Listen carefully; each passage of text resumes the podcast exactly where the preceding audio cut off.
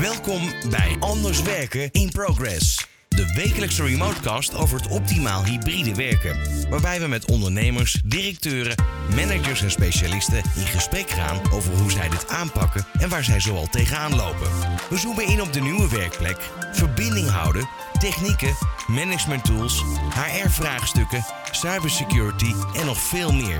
Elke keer weer een andere invalshoek en stof tot nadenken. Voorheen leek de toekomst van werken vrij duidelijk. Maar kijk een paar jaar vooruit en de toekomst van werk ziet er totaal anders uit. Kantoren zijn woonkamers geworden en vergaderzalen grotendeels leeg en kantooruren variëren. Het hele concept van werken keerde zichzelf op zijn kop en het lijkt onwaarschijnlijk dat het ooit nog teruggaat naar de situatie die we ooit gewend waren. Personeelstekorten, AI, ChatGPT en meer nieuwe ontwikkelingen dragen hier nog eens extra aan bij. We moeten anders leren werken. Een proces dat nog in zijn kinderschoenen staat en veel bedrijven hier worstelen hier dus nog mee. Hoe komt dat en hoe kan dit anders? In de studio vandaag Marijn van Heijden, senior adviseur arbeidsvoorwaarden bij de AWVN. En Angelique Slop, HR-innovator bij LiveWork. Welkom alle twee. Dankjewel. Dankjewel, leuk hier te zijn Mike. Ja, wederzijds, fijn dat jullie er zijn. Ja, ik begin even bij jou uh, Angelique, HR-innovator bij LiveWork. Kan je even kort toelichten, wat doet LiveWork en wat doe jij als HR-innovator? Ja, LiveWork is een, uh, is een tool die helpt organisaties uh, medewerkers te, te ondersteunen in nieuw gedrag, van dat anders leren werken, zoals jij dat noemt, uh, binnen die nieuwe flexibele hybride context. Um, dat we hebben gemerkt dat trainingen daar gewoon niet afdoende in zijn. En managers kunnen dat niet, hun, kunnen dat eigenlijk niet, omdat ze dat zelf ook nog moeten leren. Um, en de nieuwe jonge generatie loopt er heel erg tegenaan dat ze niet in een werkcontext op kantoor voltijd zijn. Dus die moeten eigenlijk op zichzelf dingen leren. Uh, dus wij hebben een slimme tool ontwikkeld die eigenlijk als een co-pilot uh, mensen helpt nieuw gedrag, uh, nieuw gedrag aan te leren. Daar kom ik zo direct even op terug. Super interessant. Ja. Ik geef eerst even naar jou toe, Marijn. Ja, AWVN. Voor veel mensen bekend, maar misschien voor heel veel mensen ook niet. Kan je even iets meer over de AWVN vertellen? Toch uh, merk ik inderdaad dat het voor heel veel mensen niet uh, bekend is. Terwijl wij toch de grootste werkgeversvereniging van Nederland zijn. Eigenlijk de arbeidsvoorwaarden specialist van Nederland. bij ons zijn ontzettend veel bedrijven rechtstreeks of indirect aangesloten. En wij, zijn, wij adviseren bedrijven en organisaties eigenlijk breed over arbeidsvoorwaardenvorming, HR-strategie en alles wat daarmee te maken heeft. En uiteraard is anders werken of hybride werken is daar ook een onderdeel van. Ja.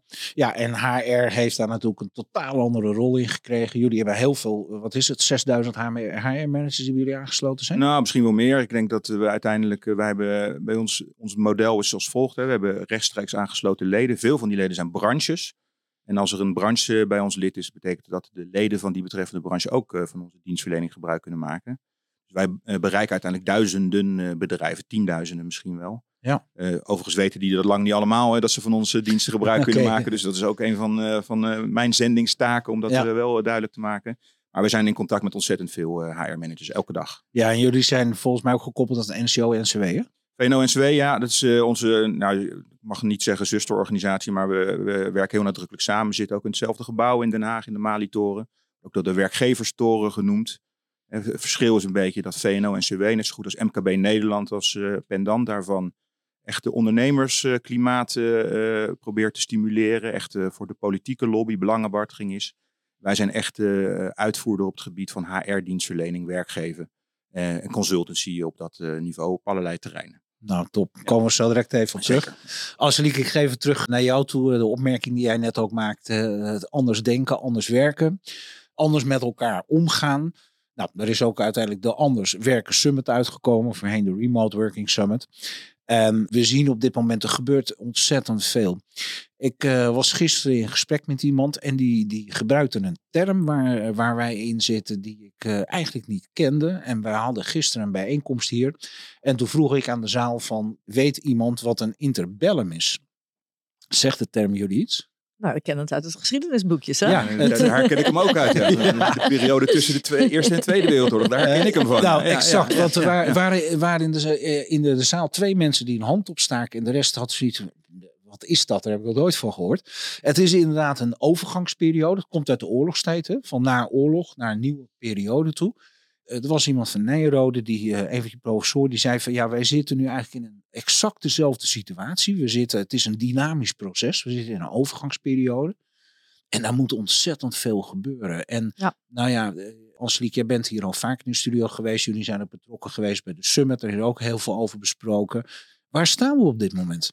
Ja, het is interessant, want ik ben eigenlijk al tien jaar eh, in, ja, als, actief als expert op nieuwe, eh, nieuwe manieren van werken. Hè? En, en echt op zending, inderdaad, zoals jij zegt, eh, om, ehm, om werkgevers en werknemers bewust te maken dat er binnen deze, hè, als technoloog, in de tijdperk van technologie en als kenniswerkers, wij echt anders moeten werken, omdat de manier waarop we gewend zijn om te werken niet, ehm, niet effectief is.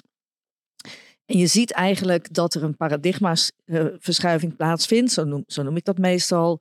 En je ziet eigenlijk dat, er een, dat die groep steeds groter wordt. En het is heel interessant, want zeker natuurlijk, dat is natuurlijk ook echt wel, heeft een boost gekregen vanwege corona.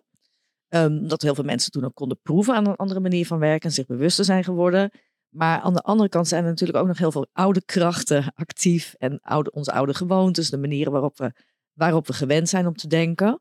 Ehm, maar ik zie dus eigenlijk dat die groep eh, mensen die ja, gelijkgestemden steeds groter wordt en zich ook steeds beter gaat organiseren. En dan kijk ik echt naar jou, Mike. Ik vind het heel mooi het werk wat je doet met de Anders Werken Summit. Kennispartners bij elkaar brengen. eh, ja, zeg maar de, de, de podcast en eigenlijk alle andere activiteiten. Want op het moment dat we elkaar ook kunnen gaan versterken, wordt, krijg je ook een aanzuigende werking. Ja. En dan krijg je op een gegeven moment, er komt een keer een tipping point.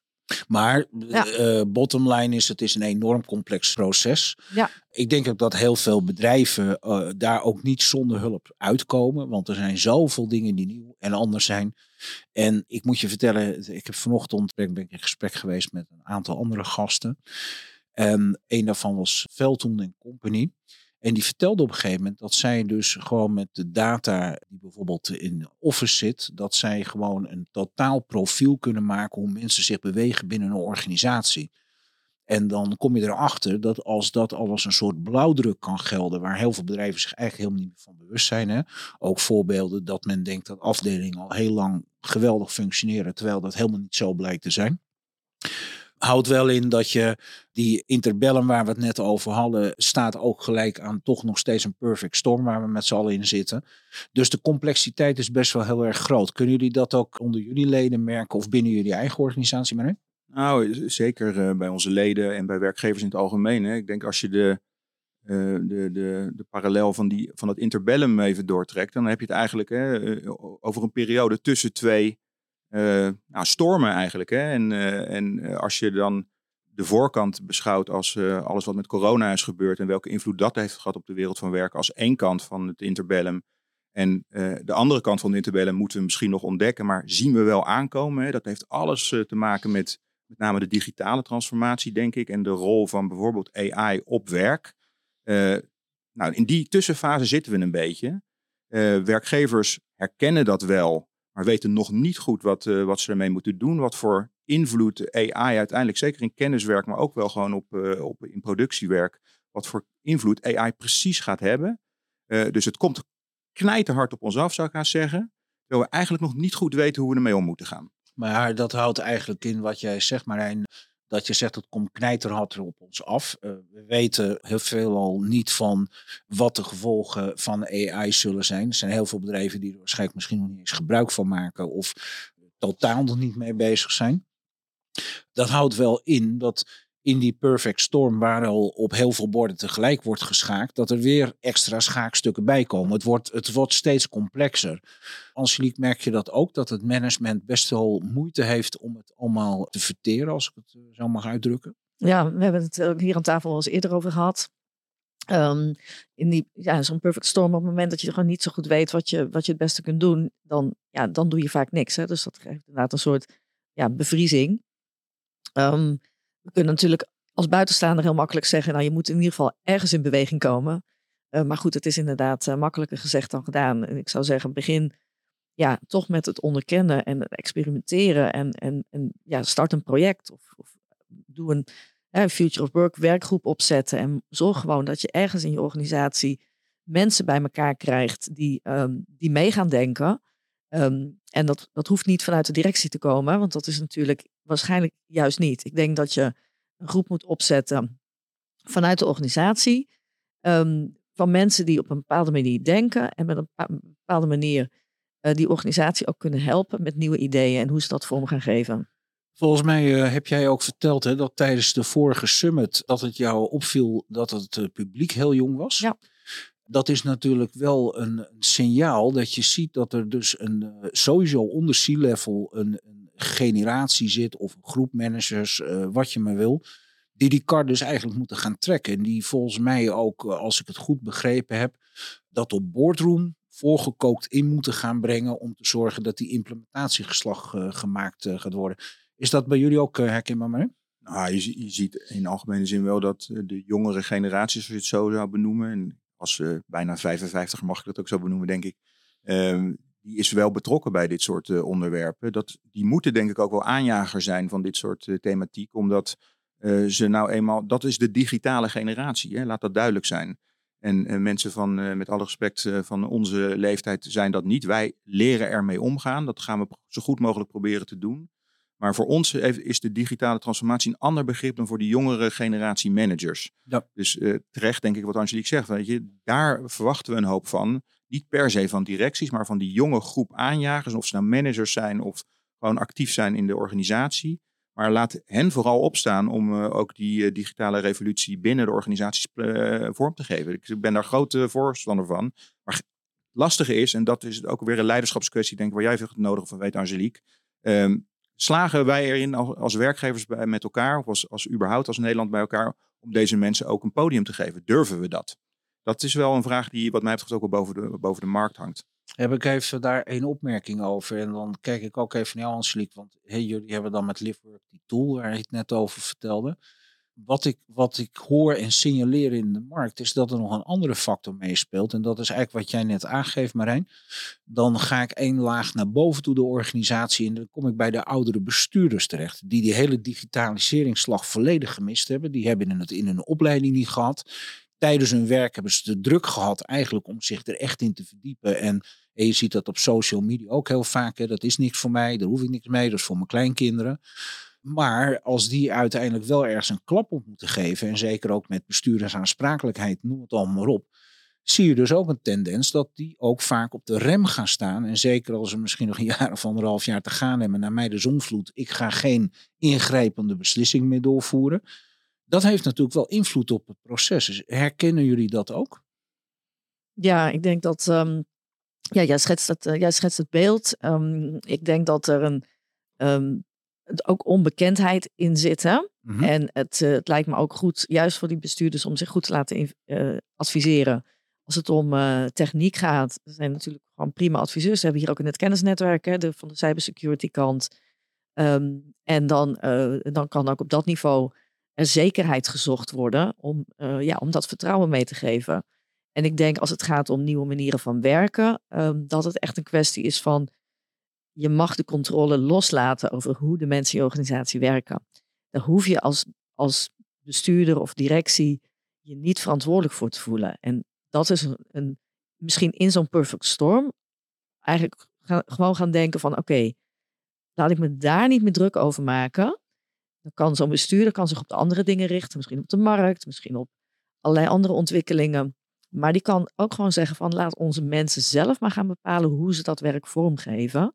Is men daar al aan toe? Want dat is natuurlijk steeds een heel groot issue geweest. Hè? Mhm. Ook emotioneel vertrouwen, wat ontzettend belangrijk is voor medewerkers. Ik heb het idee dat door die perfect storm, dat het, het, het, het is hetzelfde als met cybersecurity. Hè? Je ziet het niet, dus als je er geen last van hebt, is het er niet.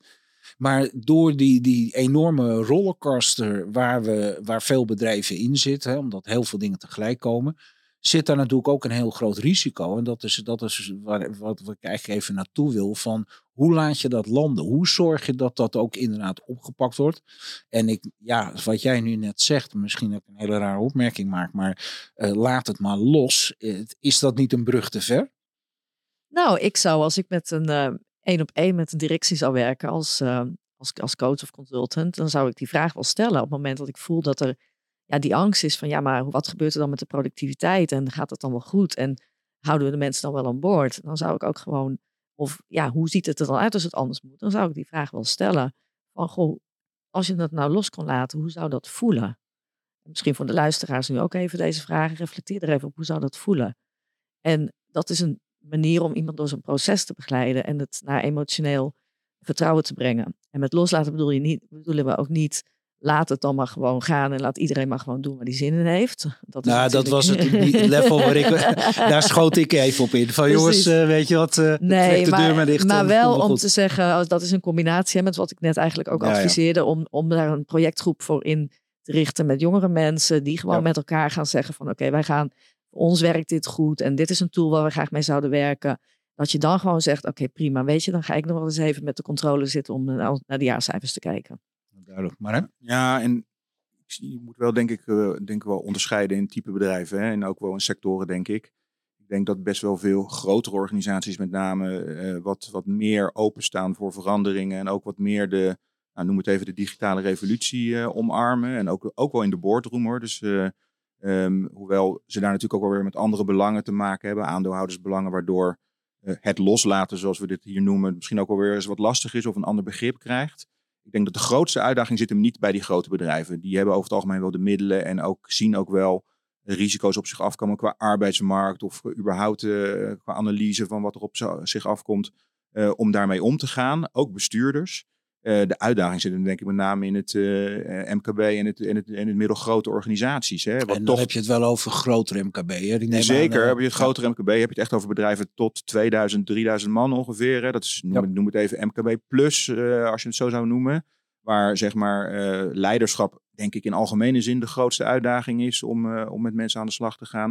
En als je dan hebt over dit onderwerp specifiek, hè, hoe laat ik dingen los om uiteindelijk, waar we het net over hadden, jongere generaties ook aan de slag te laten gaan of om veranderingen, transities te omarmen, dan zit daar de grootste uitdaging. Ja. Het is complex, dat sowieso. Even uh, vragen jou, Angelique. Als je met zo'n organisatie in gesprek gaat, hoe vlieg je dat aan? Waar, waar merk je dat het haakje blijft hangen? Want ik kan me voorstellen dat het. Uh, het is best lastig om bij organisaties binnenkomen, want iedereen heeft al een oplossing. En er zijn ontzettend veel eenpitters, hè, en goeroes en verzin het allemaal maar. Um, waar raak je de sweet spot dat een bedrijf denkt van hé, hey, dit, dit is zinvol, dit moeten we doen? Ja, wij, uh, wij merken dat bedrijven vooral worstelen met het aantrekken van talent. Dus het zal van niemand een, een, eh, een verrassing zijn. Um, en intern is het toch ook die vraag, een combinatie van een aantal vragen. Van hoe gaan we AI inzetten? Hoe gaan we er mensen begeleiden die we niet meer de hele dag zien? Hoe ga ik mijn manager ondersteunen die niet meer kan managen bij Walking Around? Um, en ja, dat is eigenlijk hoe gaan we ook die medewerkers een employee experience geven, zodat we die medewerkers kunnen aantrekken. Wat willen zij? Ze willen flexibiliteit en autonomie. Um, nou, wij hebben nu, uh, die organisatie heeft dan misschien een, beleid dat mensen twee dagen per week verplicht op kantoor moeten zijn op bepaalde dagen. En je merkt dat dat wringt en je merkt dat, dat mensen dan ook uh, zich minder gemotiveerd voelen. Sommige mensen zelfs misschien opstappen. En op dat terrein uh, vlieg ik dat gesprek aan. Uh, waarin we ook eigenlijk zeggen met de oplossing van LiveWork, ja, management bij Walking Around, dat kan dus niet meer. En je kan niet zien of je medewerker wel op tijd heeft geluncht of hij wel pauzes neemt. Um, en je wil eigenlijk ook niet dat jouw manager zich daarmee bezig gaat houden. Maar medewerkers zitten 50% van hun tijd, sommige 70% van hun tijd op afstand te werken. En LiveWork is eigenlijk de tool die dat oplost. Dus die geeft eigenlijk continu begeleiding aan die medewerkers, zodat zij op hun eigen manier, op wat, wat, voor hun individueel werkt. Het leren om zo productief uh, mogelijk te zijn, maar ook tegelijkertijd goed voor zichzelf te blijven zorgen.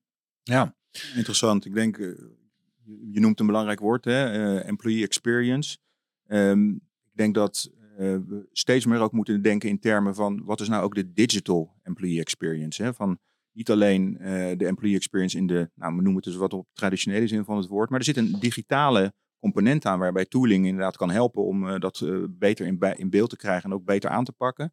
Maar die hele digital employee experience is denk ik wordt steeds belangrijker ook. Ja, blijft nog steeds uh, voorop staan dat het een complex proces is.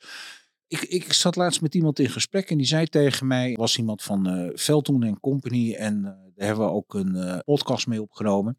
En die vertelde op een gegeven moment ook van, wat eigenlijk net ter sprake kwam, wat Angelique zei, loslaten dat hij zei van waar wij ons heel erg ook op focussen, is dat mensen tot veel meer dingen in staat zijn dan wat vaak gedacht wordt. Ik geloof zelfs dat, uh, ik ben daar zelf niet zo in thuis, maar uh, dat wij op dit moment als mens niet meer dan 20% van onze hersencapaciteit gebruiken. Dat wij veel meer dingen kunnen die we nog helemaal niet ontwikkeld hebben. Zou het daarbij ook zo zijn dat loslaten ook, ook best wel een belangrijk onderdeel in het proces is? Ja, heb um, um, loslaten is, is uh, het woord wat we genoemd hebben kunt het ook zeggen, medewerkers meer verantwoordelijkheid geven. Ja, dat doelde ik meer ja, op. Klopt. En uh, de autonomie is, ik heb onderzoek gedaan hè, naar wat is de meest efficiënte manier van uh, leiding geven aan kenniswerkers. Um, en dat, daar, een van de dingen die daaruit blijkt is dat autonomie heel erg belangrijk is. Dus die medewerker echt zijn eigen verantwoordelijkheid geven, laten bepalen hoe die werkt, waar die werkt, met wie die werkt, wat die gaat doen. Um, dus dat iemand in een hokje zetten van je moet van tussen 9 en 5 hier zitten en uh, dan heb je een vergadering en ik wil niet dat je uh, tussendoor te veel uh, buiten gaat, gaat wandelen. Um, dat is echt counterproductief. Ja. En ik vraag heel vaak aan mensen, en dat, dat is een vraag die ik ook gewoon aan directeuren stel. Um, ik kan hem ook even aan jullie stellen. De luisteraars kunnen even nadenken, wanneer krijg je je beste ideeën? Nou, meestal zeggen mensen, als ik onder de douche sta of als ik aan het hardlopen ben of als ik een stukje met de hond aan het wandelen ben. En dat is eigenlijk meteen ook de gespreksopener. Je zegt van ja, die creativiteit en de innovati innovati innovativiteit die we nodig hebben van een kenniswerker, die moeten we stimuleren. En het idee van de fabrieksmindset, waar we eigenlijk met z'n allen in vastzitten, dat gaat voor iemand die uh, achter een lopende band uh, boutjes uh, moet aandraaien.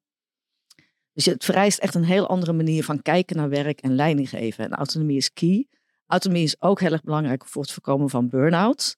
Er is al heel, heel lang heel veel onderzoek naar gedaan. Ook heel lang al in, in Nederland uh, hebben we hier best wel op voorop gelopen. Ook in de jaren zestig met onderzoek van de Sitter.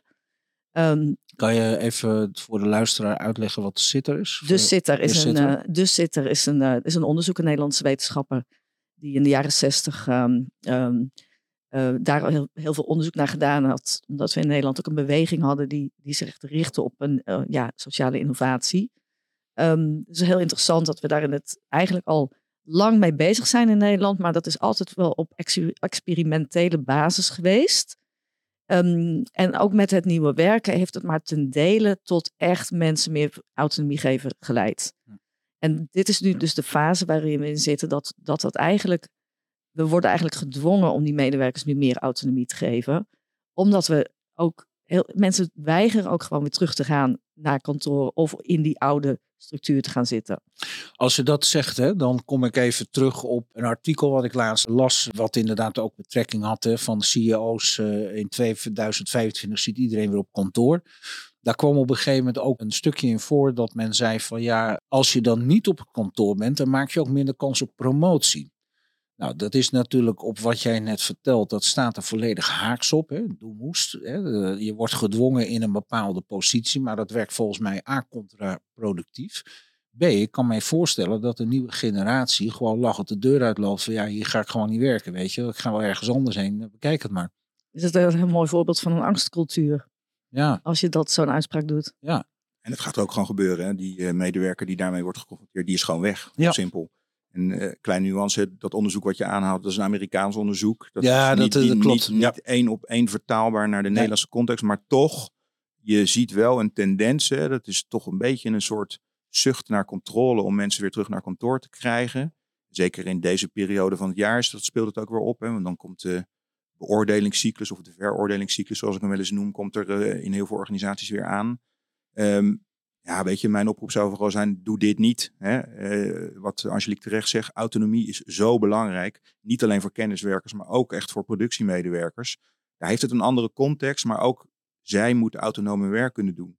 Niet alleen werk moet autonoom zijn, ze maken ook gewoon autonome keuzes. Werk-privébalans, um, de noodzaak om um, een sabbatical te kunnen nemen, om aan zorgverlof te kunnen doen. Al dat soort uh, dynamiek speelt ontzettend mee in uh, met name nieuwere generaties medewerkers. Als je daar niet op, uh, op aansluit als werkgever, dan ga je die mensen gewoon kwijtraken. Want die arbeidsmarkt die blijft krap de komende decennia. Kan je niks aan doen. dus het beste wat je kan doen is inderdaad om die employee experience zo goed mogelijk in te richten. Om te werken aan leiderschap. En vooral ook om mensen ja, te bevorderen in hun autonomie. Doe daar wat aan. En laat het niet gebeuren. En ga vooral niet alsjeblieft roepen van joh, iedereen terug naar kantoor En eh, al helemaal niet van, eh, als je dat niet doet, dan eh, la- la- laten we de promotie maar even schieten. Dan Ja, zijn ze weg. Ja, ja nou, dat, is duidelijk. Dat ben ik volledig met je eens. Het zaadje is alleen wel geplant, hè? Ja. En dat is hetzelfde. Ik weet niet of jullie me aan hebben zien komen, maar ik vraag mij tot op de dag van vandaag af wie heeft die dinsdag en donderdag verzonnen. Ineens was het er.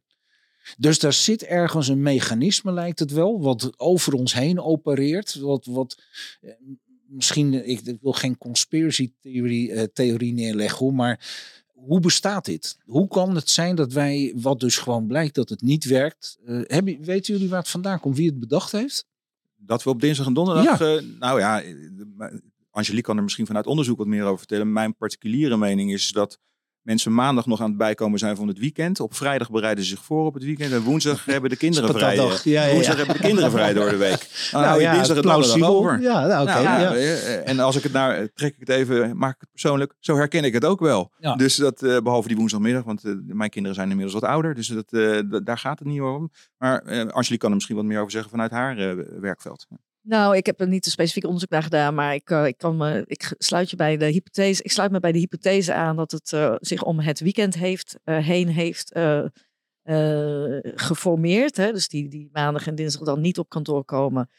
Dat heeft inderdaad te maken, ja, het zijn de dagen aansluitend aan het weekend. We mogen daar best een aanname over doen, ehm, deze context. En, eh, maar daar wil ik ook meteen even op wijzen dat dat weekend is dus ook weer een uitvloeisel van de fabriekscultuur. Want die komt daar vandaan. Dat wij werken van maandag tot en met vrijdag van 9 tot 5. Dat zijn de werktijden. De eerste kantoren die zijn om fabrieken heen eh, ontstaan.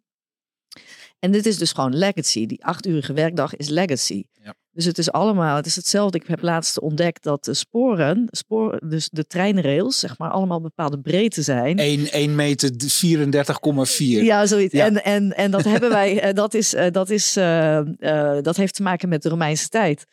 En de Romeinen hebben de eerste wegen, dat, is, ja, dat waren dan twee paarden eh, naast elkaar. En dan moest er een kar achter. En omdat die karrensporen moesten eigenlijk allemaal even dezelfde breedte hebben. Ja, ik ken het verhaal inderdaad. eh, Ja, en eh, nou ja, goed, en dat is, daarom hebben we nu het dinsdag en donderdag model. hebben we wel even heb ik een interessante vraag over. Want eh, een, en, en dan is het leuke eraan ook dat al alle events en beurzen en noem maar op, allemaal ook op dinsdag en donderdag worden georganiseerd. Met eventueel de woensdag er dan nog aan vastgeplakt. Maar als ik goed naar jou luister, dan staan we eigenlijk misschien ook wel aan een tijdperk dat de werkweek zoals wij die nu kennen. En de, de zaterdag en de zondag hè, als verlofdag. nou, Tenzij je Mhm. Joods bent, want dan is geloof ik eh, eh, zaterdag is Sabbat. Maar dat dat eigenlijk op de langere duur op de schop eh, komt te staan. Ja, nou, het is misschien hardnekkiger dan, eh, dan ik zou willen. Hè? Misschien is het inderdaad eh, net als, eh, net als de, de, de karrensporenbreedte. Ehm, ik, ik denk, en dat is wel van, vanuit mijn, mijn vakgebied, eh, kenniswerkers, en dat weten we uit onderzoek, zijn eigenlijk maar productief vier uur per dag. Ehm, dat merk je misschien zelf, dat het echte kenniswerk waarin je creatief bent, die tijd, dat je ook met je ja, lichamelijk kan blijven zitten eh, en gefocust werk kan doen, is eigenlijk maar heel weinig. En eh, toch houden we heel erg vast aan dat we acht uur moeten werken. Daar is ons hele arbeidsrecht ook eh, op eh, gebaseerd. Nou ja, jij weet als senior arbeidsvoorwaarden, eh, we hebben een voltijd is een 40 uur werkweek. We verkopen nog steeds onze tijd, ook al zijn we kenniswerkers. Ik vind zelf dat ehm, het werkt voor veel mensen vaak beter ehm, om hun werk door de week heen te spreiden. En wa- waarin je ook, als je bijvoorbeeld kijkt naar je routine. Ik zei een keer tegen iemand, ik zeg, ja, ga je dan op vrijdag acht uur sporten?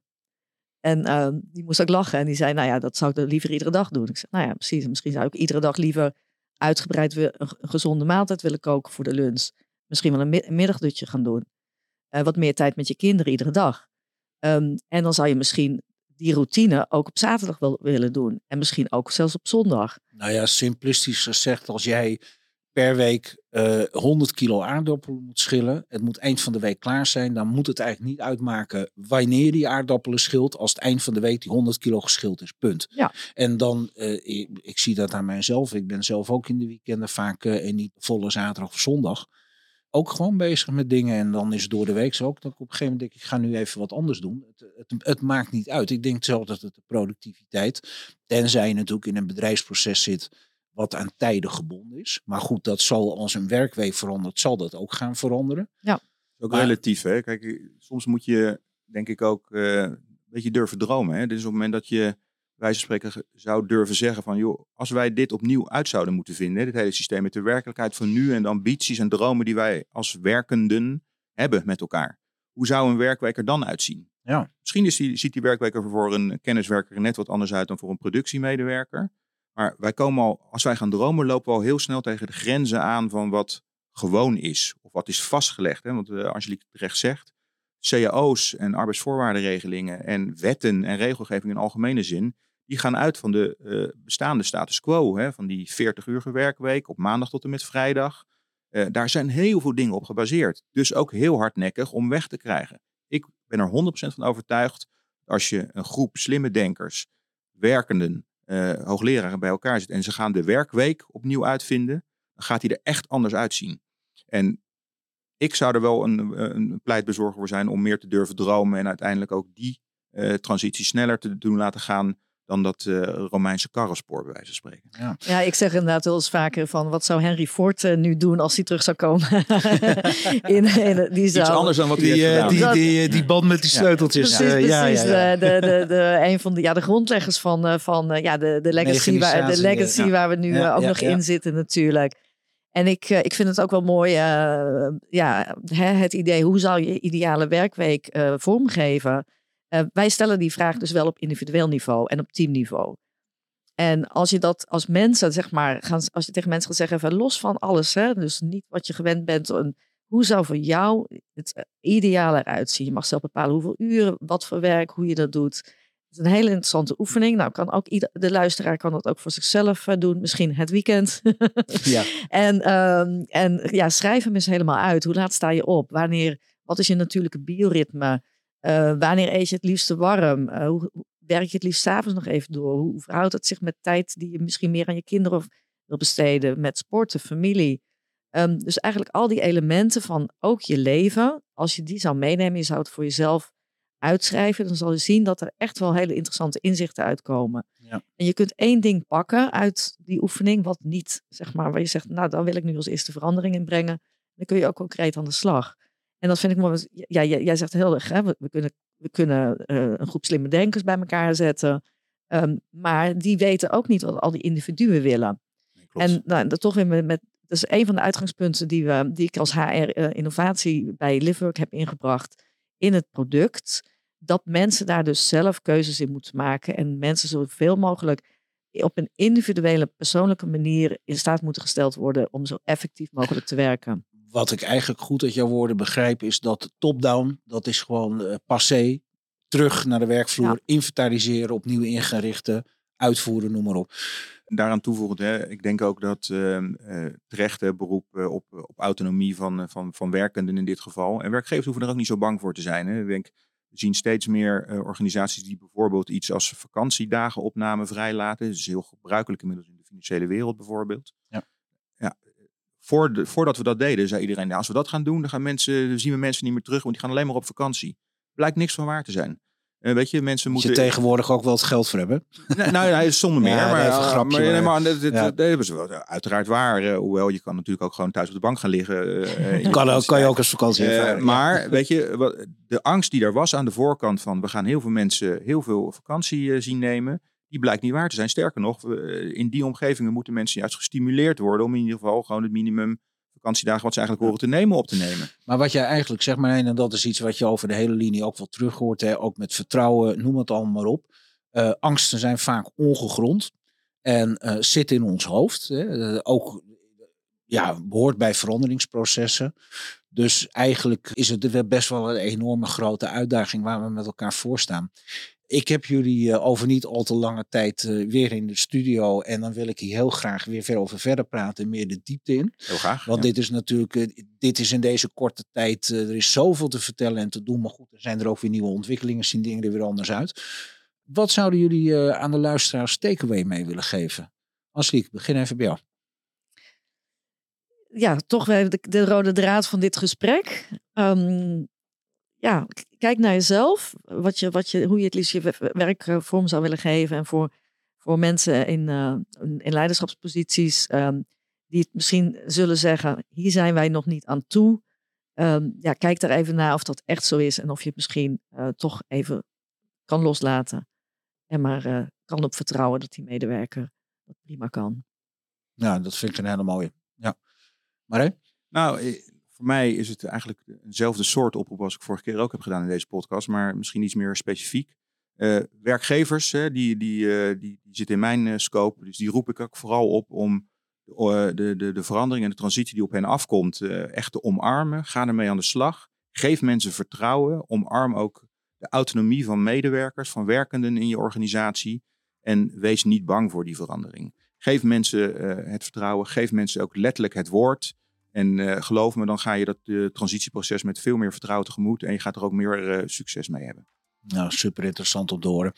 We gaan tijdens de summit uiteraard volgend jaar daar ook dieper op in. We hebben in de tussentijd nog de week van de Anders Werken die er in het voorjaar aankomt. In de tussentijd zie ik jullie ook binnenkort weer een keer graag terug in de studio om hier verder over te praten. Super interessant. Bedankt voor jullie bijdrage. Graag gedaan, Mike. En heel graag tot de volgende keer. Leuk dat je weer hebt geluisterd. En volgende week zijn we weer met een nieuwe Remotecast. Deze aflevering wordt mede mogelijk gemaakt door de Anders Werken Summit en haar partners. Heb je een aflevering gemist? Of wil je zelf deelnemen aan onze live events en netwerken? Kijk dan voor meer informatie anderswerkensummit.nl